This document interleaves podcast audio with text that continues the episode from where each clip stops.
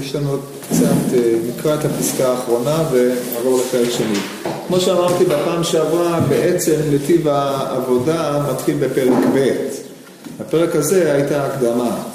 אז אנחנו נחזור על הפסקה האחרונה בעמוד ע"ט שמאל, בקצרה, ונעבור לפרק השני. אם כי פירשנו פירושים נכונים וברורים בפרק משה קיבל בעניין אלו שלושה עמודים, יש לך עוד לדעת כי אלו שלושה עמודים נגד מה שיש באדם שלושה דברים.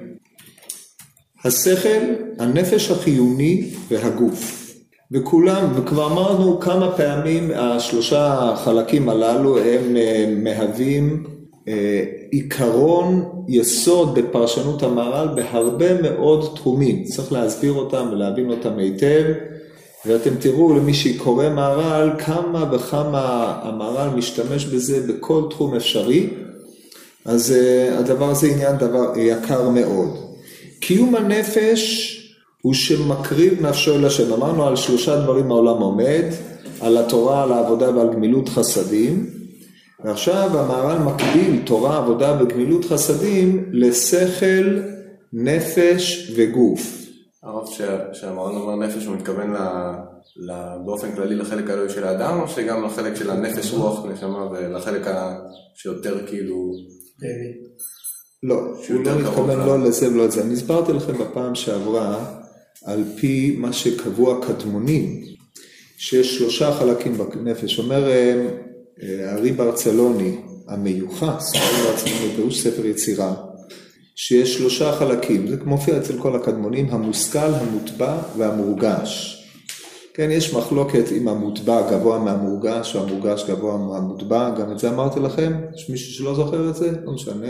אז אה, שלושה דברים האלה, והשאלה היא מי, מי למעלה ממי. בגדול, נשתמש במטבעות שטבע האדמו"ר הזקן ותלמידו רבי אהרון נסתרושילי, שמהם עולה כדלהלן. יש לנו את המושכל, מושכל זה מה שקרוי בפנימיות המוחים, החוכמה, בינה, דעת, שהם אה, ההשגה המופשטת, הלבשתה והיכולת להמשיך אותה כלפי מטה, שזה בחינת הדעת. לאחר מכן יש לנו את מה שקרוי המוטבע אצל האדמו"ר הזקן, שהם מה שקוראים המידות. בפנימיות זה, זה כנגד מידות חגת, חסד, גבורה ותפארת. הם הכוחות הנפשיים של האדם. הכוחות הנפשיים הללו הם כוח האהבה שיש באדם, שהיא כוח שההתלבשות שלה היא כלפי מושא זה או כלפי מושא אחר, אבל היא כוח מחבר של האדם הנמשך אל א', ב' או ג', אדם שאוהב גלידה, זה שימוש בכוח אהבה שמחברת אותו אל איזה דבר שהוא נמס וקלה. אדם שאוהב תורה, זה מושך אותו אל דבר שהוא קיים באופן נצחי, אבל הכוח הזה הוא כוח נפשי. אדם אוהב אישה, זה עוד פעם יישום של הכוח הזה ביחס למושא מסוים, אבל הכוח הזה כשלעצמו הוא כוח מחבר. יש לנו את הצד השני שבאדם, הוא מידת הגבורה, הוא מידה ששמה גבול לדברים, מידה שיש בה יכולת של עוז, בגבורה ישנם שני פנים, יש עוז וימין. הימין היא הכוח הפועל והעוז היא הכוח המעמיד אותו במקום. זה כוח הגבול, או מה שקרוי כוח הדין. והכוח הממזג בין שני הדברים הללו, שמתעל את שני הכוחות הללו, ממזג אותם יחד לאיזושהי פעולה מוגדרת היטב, היא נקראת מידת התפארת, שהיא תפארת לו לאדם. כל אלה הם ברמת המידות, הם מקבילים למה שהמהר"ל קורא העניין הנפשי. והעניין הגופני של המהר"ל, זה מה שאנחנו קוראים אה, לפי האדמו"ר הזקן המורגש, כן, אצל האחרים זה המורגש, זה הרגש והמוטבע, זה מה שהאדם עובד לפי הטבע, לפי, נסביר את התפיסה האחרת, על פי מה שהרמב"ם חולק על אריסטו בגדרי הנבואה. לפי שיטת אריסטו, המוס... הנבואה כפי שהוא מבין אותה, עדיין ההתחברות או השפעת השכל הפועל המתלבשת במוחו של האדם, היא כמו שהמזון הטוב יוליד את הדם הטוב. למשל אם אדם אוכל אוכל בריא, אז המנגנונים הפיזיולוגיים של האדם, מח העצם, הכבד לפי מה שאמרו, הטחול לפי מה שחשבו, הם אלה שייצרו כדוריות בצורה משובחת. מה שאם כן אם אדם אוכל מה שקרוי היום junk food, אז הדבר הזה לפי טענת הקדמונים אמור להוביל לדם גרוע, כן? דבר שהיה מחייב אותם בהקזת דם ועוד כל מיני אה, פעילויות מענות אלו ואחרות. אבל היווצרות הדם מן המזון הוא לא רצוני, הוא טבעי, זה בחינת המוטבע. לעומת זאת, תנועת היד מן הרצון היא יותר שייכת על המורגש, באופן הזה הרמב"ם טוען שהנבואה באה לאדם. זאת אומרת, אדם שהוא במדרגת מי שיתנבא, הוא מתנבא כמו שאדם, כשהוא רוצה, הוא מזיז את ידו. אז ביחס לזה אנחנו יכולים להסביר שהמורגש הוא יותר הפעלת כוח הרגש המיוחד לאדם, בעוד שהמוטבע הן פעולות פיזיולוגיות שפועלות, שהגוף פועל מצד עצמו. זה תפיסת הרי ברצלוני והעמדה שכנגד. לפי האדמו"ר הזקן, המוטבע הוא להעמיד את האדם במהותו. ידוע שמהות האדם היא בחינת הרוח שבו. באדם יש נפש, רוח ונשמה. הנפש היא אה, יותר אה, מה שמקיימת את הגוף, מה שאנחנו קראנו קודם מוטבע. הרוח זה מהותו של האדם, כמו שאמר הכתוב לכם, רוח באנוש ונשמת שדי תבינם. האדם הוא הרוח, הוא המידות, ככה מעמיד את זה אדמו"ר הזקן, כאשר המוחין אינם אלא אמצעי להנהיג את עיקר פעולתו של האדם שהיא עשיית חסד, משפט וצדקה בארץ על פי השכלתו את השם יתברך. אשר על כן אמ, הטבע, האדם באשר הוא אדם, לא באשר הוא בעל חיים לדבר, טבע האדם באשר הוא אדם, מבחינת האדם שבו מתלבשת ומתגלה ברוח שהיא תפארתו, היא מידת התפארת של האדם. אז זה אנחנו מייחסים לכוח הנפשי, כנראה שהמהר"ל שהיה חמש דורות מעל האדמו"ר הזקן, כנראה גם הוא מחזיק בעמדה כזאת ביחס להיבטים הנפשיים. אם כי אנחנו יכולים לראות אה, שימושים שונים במושגים שכל נפש, כמובן תלוי בהקשר המקומי, אבל בהקשר דנן, כשאנחנו מדברים על תפילה ושפיכת נפש לפני השם, אז הדבר הזה בא לידי ביטוי במידותיו של האדם כאשר הוא עומד ומבקש ומתחנן, פה לא הצד השכלי בא לידי ביטוי, אלא הצד של העמדת האדם כתלוי, כחסר, כמבקש, שזה מאפיין את האדם באשר הוא. זה מה שאומר המהר"ל, אמ, וקיום הנפש הוא שמקריב נפשו אל השם יתברך בעבודתו, כמו שכתוב אצל העבודה ונפש כי תקריב המוזל, מדרכו להקריב מנחה, אני, ונחשב אליו כאילו הקריב נפשו. ובוודאי אפילו מנחה שיסרון סולת בלבד נחשב כאילו הקריב נפשו, מכל שכן מי שמביא קורבן יותר נחשב כאילו הקריב נפשו, ולכן בעבודה יש לו קיום מצד הנפש. מצד השכל, כי אנחנו אמרנו על שלושה דברים העולם עומד, העולם, המהר"ל עושה פה שימוש מתוחכם במושג עולם, ידוע שהאדם הוא עולם קטן והעולם הוא אדם גדול.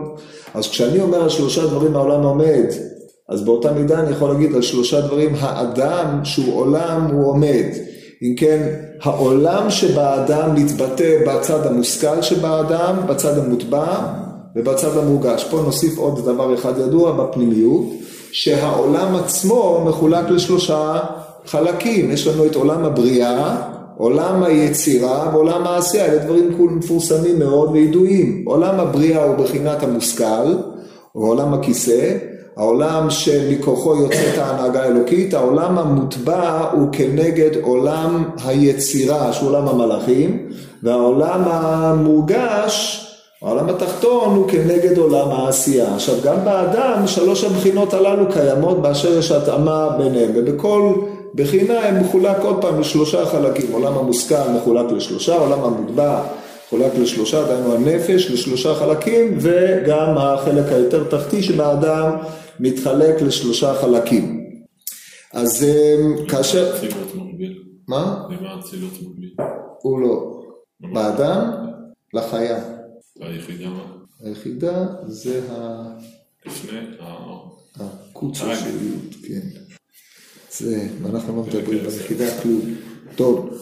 עכשיו אומר המהר"ל אמ, ולכך בעבודה יש לו קיום מצד הנפש, מצד השכל, אז זה העבודה. עכשיו אם נחזור לענייננו, כמו שהעולם עומד על הדברים הללו, גם האדם עומד על הדברים הללו, דהיינו קיומו של האדם כיחידה שלמה על שלוש מרכיביו, אז צריך בכל בחינה עבודה. העבודה מקיימת את בחינת הנפש שבאדם, שפיכת נפשו לפני השם היא ההתקרבות של האדם אל השם יתברך.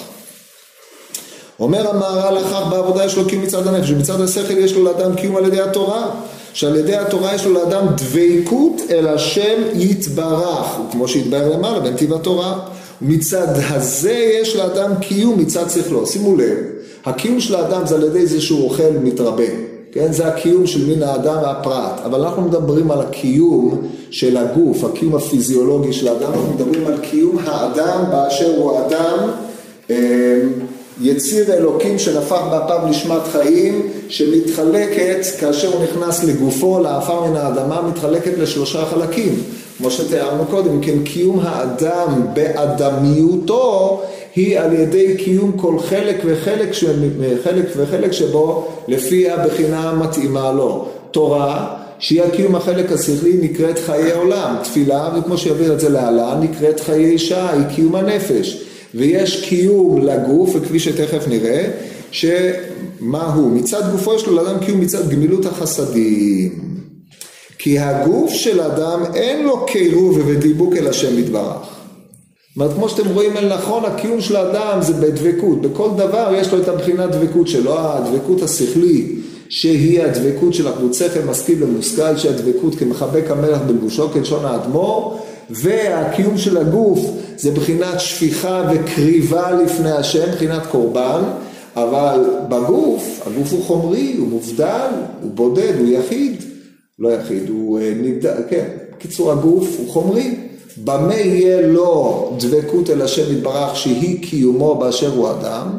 אז על זה אומר המהר"ל, הגוף אין לו קיום ודיבוק אל השם יתברך רק מצד השם יתברך גומל חסדים עם הכל מצד יש לו קיום. כאשר אדם גומל חסדים השם יתברך גומל חסדים השם יתברך גומל חסד עמו גם כן כמו שביארנו במקומו ולכך כתיב עולם חסד ייבנה תראו איך הוצאת הפסוק הזה מפשוטו בצורה מרשימה עולם, מי זה עולם פה? אדם, חסד ייבנה עכשיו להסביר את הדבר בקצרה ידוע מצווה והלכת בדרך מהו רחום, אף אתה רחום, אומר הרמב"ם להידמות במעשיו הטובים והישרים. אם כן הדבקות של השם יתברך מצד המעשה זה הליכה בדרכיו, ובזה גם יש לאדם בחינה כלשהי של דבקות או גמילות, השם מגומל לו מידה כנגד מידה, זה הקירוב אליו. אז רק שנייה נגמור את הפסקה הזאת ואז תשאלו מה שאתם רוצים. הנה אלו שלושה דברים הם קיום העולם. ומאחר שביארנו בנתיב הקודם מה ששייך אל התורה שהוא עמוד העולם, יש לבאר אחר זה מה ששייך אל העבודה. ומפני כי בטל בית מקדשנו ותפארתנו, ונתלה העבודה, ואין לנו בעוונותינו לא זבח ולא מנחה, רק העבודה שהיא בלב. יש לבאר עניין העבודה, מה שנמצא בגמורה, אשר הורו לנו חכמים על זה, וכמה גדול מעלת העבודה הזאת והנמשך ממנו.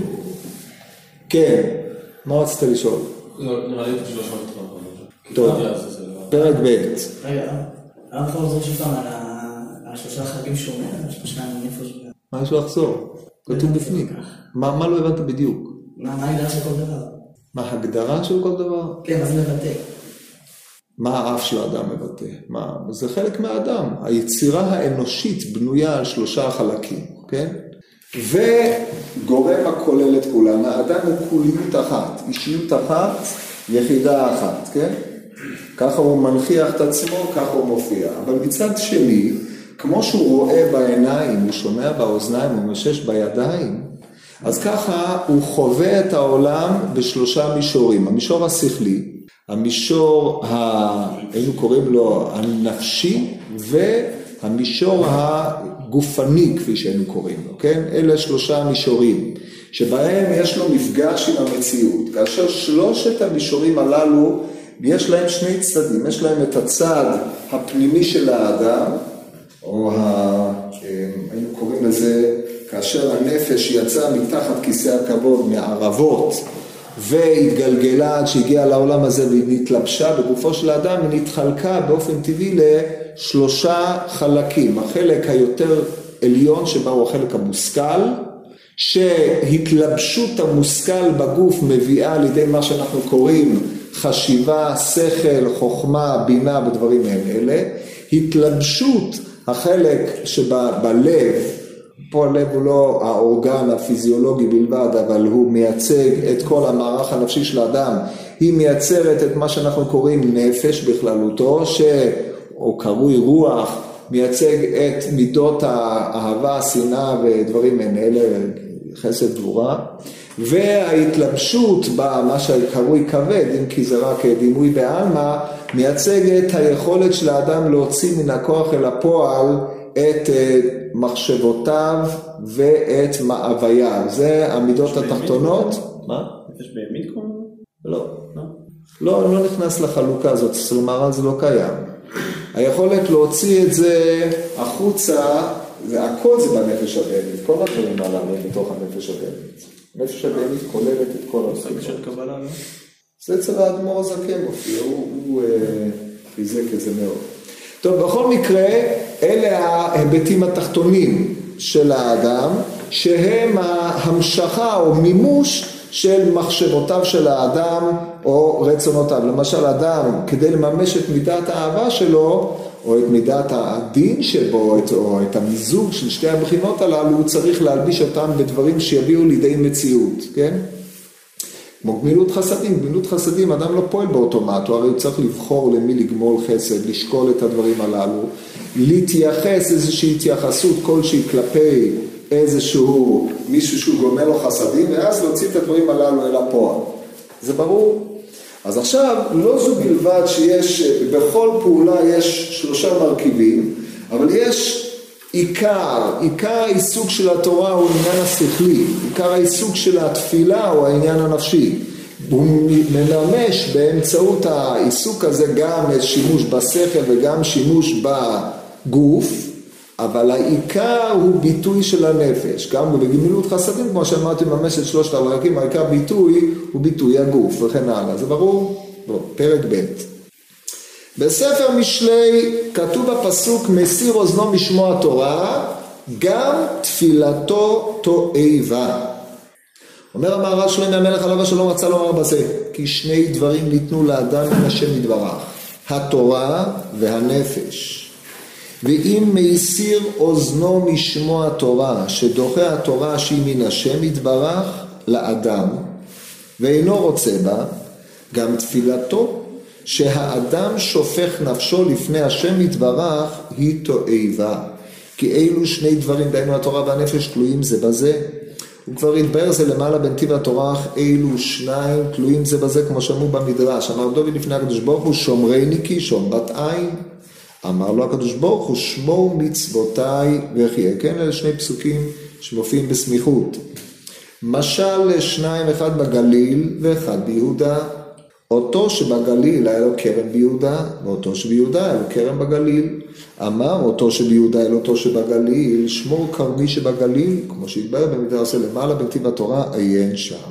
אז זה מבוא למה שהולך המהר"ל להסביר עכשיו, על היחס בין uh, התורה לבין התפילה. ביסודו של דבר אתם רואים שיש פה שתי תנועות שהן מנוגדות זו לזו, התנועה היא מן התורה היא תנועה מן השם יתברך אל האדם, דהיינו היא דבר השם שמוטל על האדם לממש אותו, להעמיד אותו, היא הרצון האלוקי המתבטא בחוק או בלימוד, והאדם הוא זה שצריך להלביש אותו ולהעמיד אותו כפי ש... להוריד אותו לעולם. התפילה היא תנועה הפוכה, היא מן האדם אל השם יתברך, בבחינת מה שאומרת חנה ואשפוך את נפשי לפני השם. בגדול, העניין של התפילה זה הבקשה של האדם. כאשר ואשפוך את נפשי לפני השם אצל חנה, עומד כל כולו על, ה, על הבקשה שלה לבנים. והעיקר של התפילה, או הבקשה הזאת, מעמידה, כמו שאמרנו בפרק הקודם, את התלות הגמורה של האדם בהשם יתברך. אם כן, בא הכתוב ואומר, מסיר אוזנו משמוע תורה. דהיינו, אם אדם איננו מעוניין לקבל את חלקו של הקדוש ברוך הוא, להמשיך אותו לתוך העולם, גם תפילתו, התפילה שהוא מתפלל ושופך נפשו לפני השם, היא תועבה. זה בגדול המשל, למשל, ברור, רק פה צריך לומר עוד דבר אחד ידוע, שבזמן למשל המשלים הללו, היה זמן חירום בין יהודה לבין הגליל, כן, ככה אומר הגמרא בבבא בתרא, אמר רבי יהודה, בשעת, אמר רבי יהודה המערב, אה, בשעת חירום שנו משנה זו. חירום, פירושו של דבר שאי אפשר היה לעבור מיהודה לגליל, מהגליל ליהודה היה צריך לעבור ב... כמו שיש אה, במעבר לבית שאן, שם מבדק כזה, אבל זה היה הרבה יותר גרוע ממה שיש היום, ומי שעמד בשערים לא היה האדם הנכון על גבינו, וזה היה המצב. בקיצור, אי אפשר היה לעבור, ולכן המש... השימוש במשל הוא מתוחכם, כי כמו שבין שמיים לארץ אי אפשר לעבור בכזאת קלות, זאת אומרת מי שעולה למעלה לא יורד למטה, או מי שיורד למטה מקווה לא לחזור לעלות למעלה, זה המצב, או העלייה למעלה לא תלויה בו, אז אה, ככה פער ממשל המשלים פה השתמש בין יהודה והגליל. אז השמירה של מה שיש למטה, והמשל הוא חריף ויוצא מגדר הרגיל, כי הרי זה שבגליל אומר לזה שביהודה שמור את כרמי, כי זה שבגליל לא יכול לשמור את הכרם. זה שביהודה אומר לזה שבגליל שמור לי את הכרם, כי זה שביהודה לא יכול לשמור את הכרם, לא משנה איפה תציגו את הקדוש ברוך הוא, הרי על כל פנים יש פה ביטוי והמשך רעיון למה שדיברנו בפרק הקודם, שהקדוש ברוך הוא כביכול מכתיב לעצמו הגבלה ומוסר את קיום תורתו, שזה שמו לאדם. אם אדם לא שומר, אז כביכול שמו של הקדוש ברוך הוא מתמעט בעולם. לחילופין, שורש הנשמה של האדם, כמו שאמרנו, מהערבות, ששם נשמתה של צדיקים, כך אומרת הגמור בחגיגה, היא מתחת כיסא הכבוד. זה השורש, ההשתלשלות של נשמת האדם אל האדם, אל העולם הזה, היא רק ברוח ונפש שבו. זאת אומרת, גם בזה יש מחלוקת איפה הנשמה מתפקדת פה, אבל על כל פנים, עיקרה של הנפש של האדם נשארת למעלה, ומה שאתם רואים, אדם המהלך עלי ארץ, זה רק רוחו ונפשו שמתקיימים בעולם, לכן אמרתי לכם, עיקרו של האדם הוא הרוח.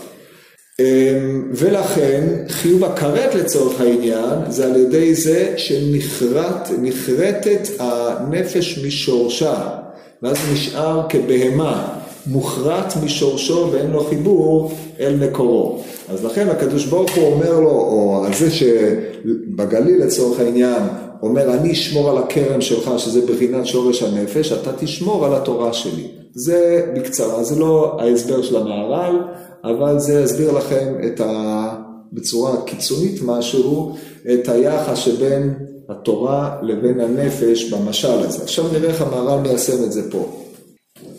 אומר המהר"ל, וזה עצמו, מה שאמר מסיר עצמו, אוזנו משמוע התורה, גם תפילתו תועבה. כאשר הוא מסיר אוזנו לא מן התורה, גם השם יתברך אינו רוצה מה שנושא נפשו ומקרב עצמו אל השם יתברך בתפילתו. למה לא? בסדר, אז הוא לא לומד. זאת אומרת, זה יותר גרוע מלא לומד. מסיר אוזנו משמוע זה ביטוי קיצוני. זה שלא רוצה לקיים נראה לי. אה?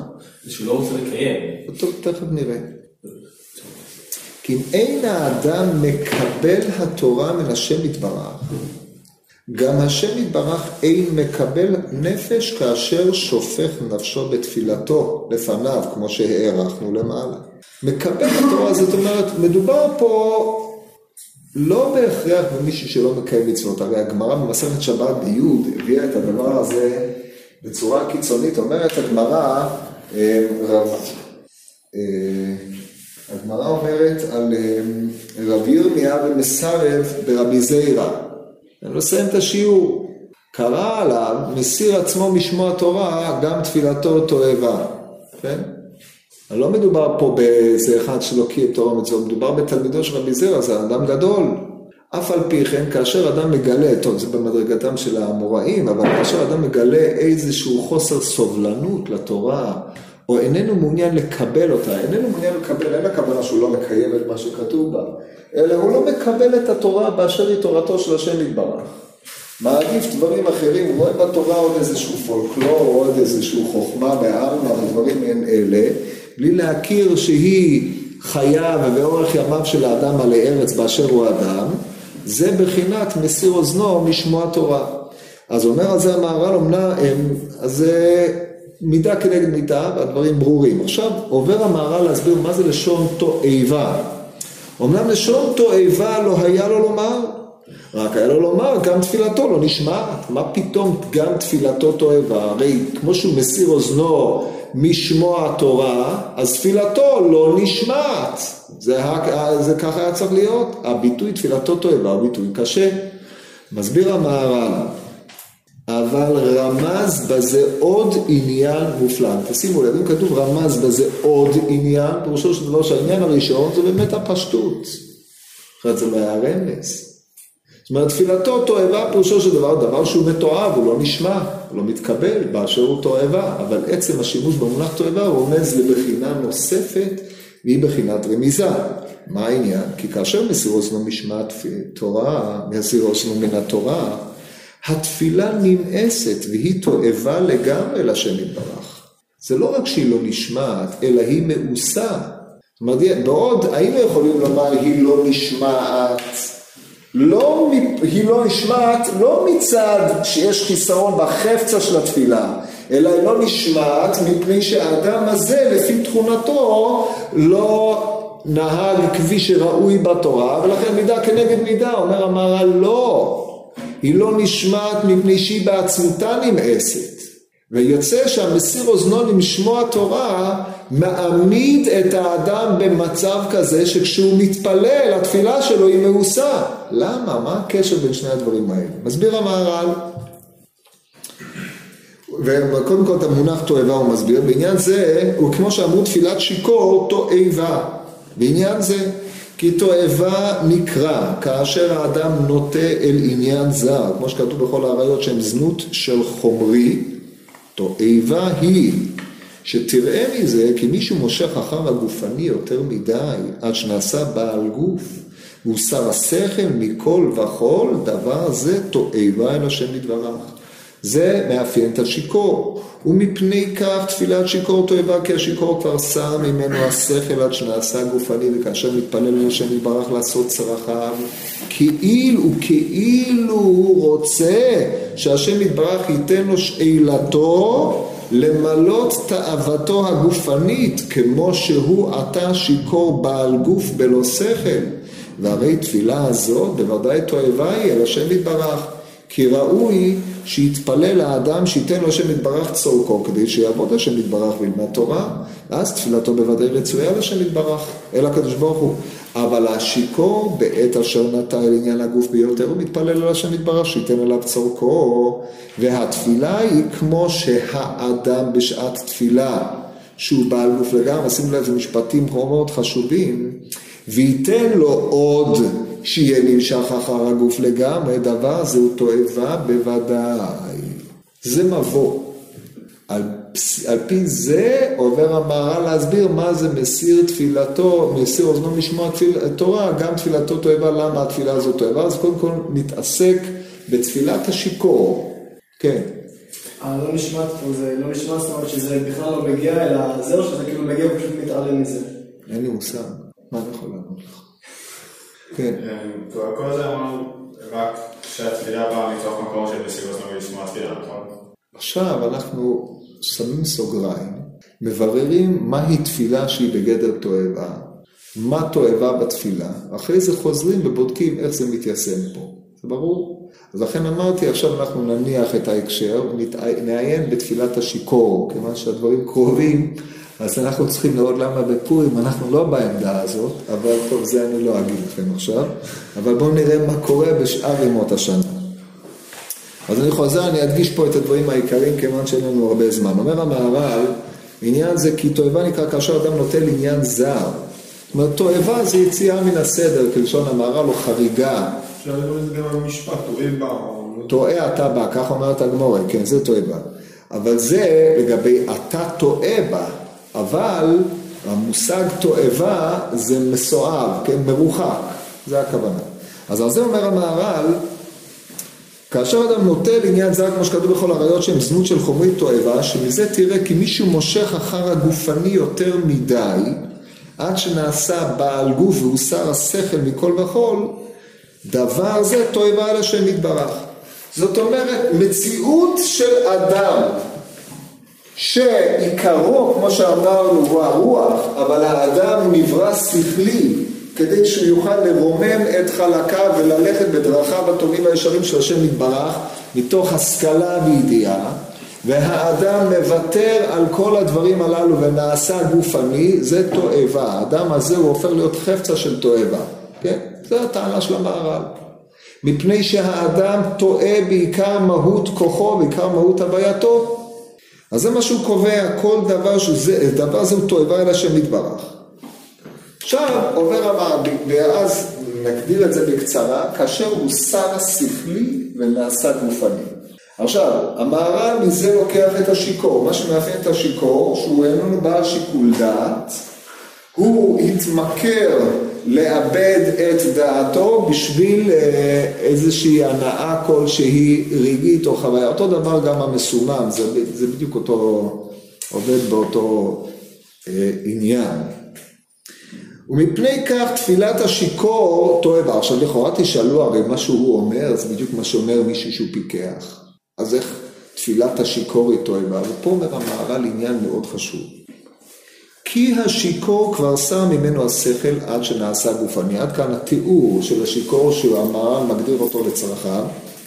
וכאשר מתפלל השם יתברך לעשות צרכיו, נניח שהוא צריך דעת, הוא צריך פרנסה, הוא צריך כל מיני דברים. הצרכים הללו הם צרכים נכונים, שהם לא תלויים במצב המסוים של שכרותו העכשווית לפי שעה. אומר המערב, תשימו לב למילה כאילו, כאי וכאילו הוא רוצה שהשם יתברך ייתן לו שאלתו למלות תאוותו הגופנית כמו שהיא עתה שיכור בעל גוף בלא שכל. והרי תפילה הזאת בוודאי תועבה אל השם יתברך, אבל הרי זה לא מה שהוא מבקש. אז מה הפשט? אז אומר המהר"ל כי ראוי, אז הוא מסביר את עצמו, כי הרי המשפט הזה כשלעצמו הוא לא מחובר. למה הטענה הזאת היא נכונה? הכאילו מורה על הפיקטיביות שבטענה הזאת ולא על הקונקרטיות שבטענה. למה היא נכונה? אז על זה הוא מוסיף המהר"ל את המשפט הבא. כי, שימו לב, זה יסוד.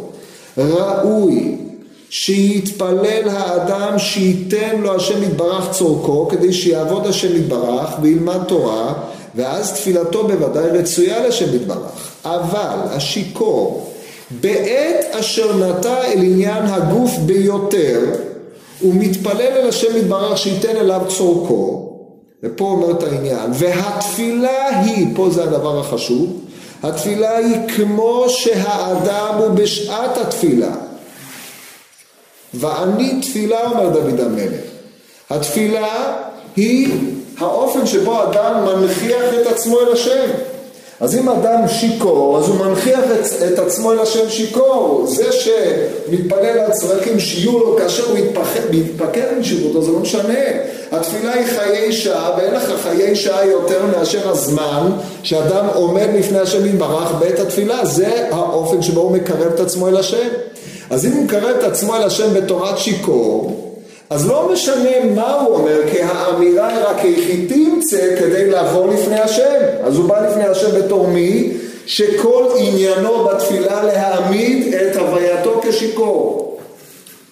זה שהוא היה מעדיף לא להיות שיכור, או זה שאחרי שהוא יהיה שיכור, הוא גם יצטרך לעזור להתפלל בסדר, אבל בזמן שאתה מתפלל כשיכור, ככה אתה מביא את עצמך לפני המלך? אז זה מה שאומר המהר"ל, זה מאוד חשוב.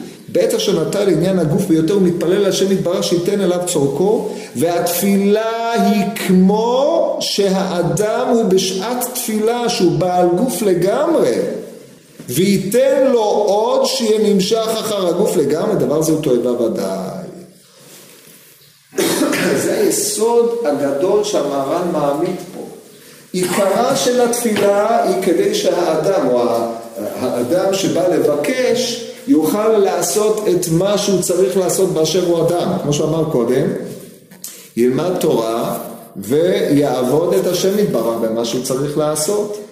לכן אדם צריך את שאר צרכיו, צריך ללכת להצליח בעבודה, שיהיה לו פרנוסה, שיהיה לו דעת, שיהיה לו יישוב הדעת, שיהיה לו עוד אי אילו דברים, שיהיה קוממיות בארצנו ועוד עניינים דברים האלה שהם כולם כדי שיוכל, שתהיה לו דעת פנויה לעשות את מה שהוא צריך לעשות בשעה שהוא עושה אותו. אבל מי שמנכיח את עצמו, מעמיד את עצמו לפני השם יתברך בתורת מי שאין לו שכל, או הבקשה שלו היא בקשה שנובעת מאדם חסר דעת, או אדם שדעתו משובשת, הדבר הזה, זה התפילה שלו. התפילה היא כמי שהוא, זה ואני תפילה, ככה על בסיס הדבר הזה. אומר המהר"ל, עכשיו הוא חוזר לאור הדברים הללו להסביר את אה, מה שנאמר אצלנו, ועל זה אמר מסיר אוזנו משמע תורה, גם תפילתו תועבה, כי מאחר שהוא דוחה התורה שהיא שכלית, כן, קודם לכן זה היה לא מקבל, הלא מקבל עכשיו הפך להיות דוחה, דוחה התורה שהיא שכלית בשביל התפילה שהיא לצורך חיות גופו, אם כן תפילה כמו זאת היא לצורך גופו בלבד, שאם היה תפילתו שייתן השם יתברך אליו צורך חיותו כדי שיעבוד השם יתברך וילמד תורה שהוא דבר שאינו עניין גופני, אם כן למה מסיר אוזנו משמוע תורה? ומאחר שמסיר אוזנו משמוע תורה אם כן התפילה היא לצורך גופו בלבד ודבר זה, דבר שהוא לצורך גופו בלבד, דבר זה הוא תועבה. זאת אומרת אדם שבא אל השם יתברך, שנייה אחת, אדם שבא אל השם יתברך אחרי שהוא מסיר אוזנו משמוע תורה כמו שהסברנו על השיכור, הוא מעמיד את עצמו לפני השם יתברך בתורת מישהו מסיר אוזנו משמוע תורה והוא מבקש. אז לא יכול להיות שהבקשה שלו תהיה על הרצון שלו לקבל את צורכי החיות כדי שיעסוק בתורה, כי הרי כל עצמו לא בא אלא בתוירס מישהו מסיר אוזנו משמוע תורה, אז בדיוק אותו עובד אותו דבר כמו שיכור, רק עם שדרוג מחשבתי כלשהו, כן.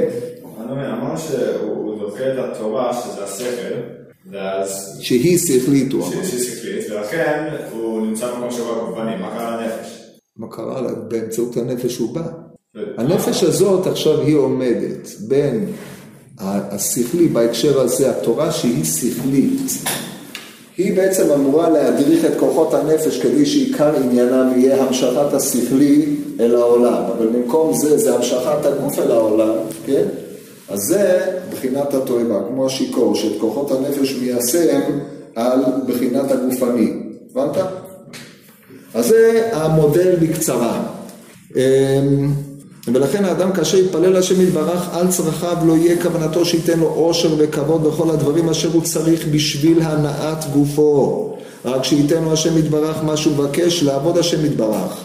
ואם יבקש על חייו, לא יהיה כוונתו רק שייתן השם יתברך חיים כדי שיעבוד השם יתברך בתורה ובמצוות. ואם מכוון להנעת גופו, דבר זה תועבה לפני השם יתברך, כמו שרמז הקדום, מסיר אוזנו משמוע תורה, גם תפילתו תועבה.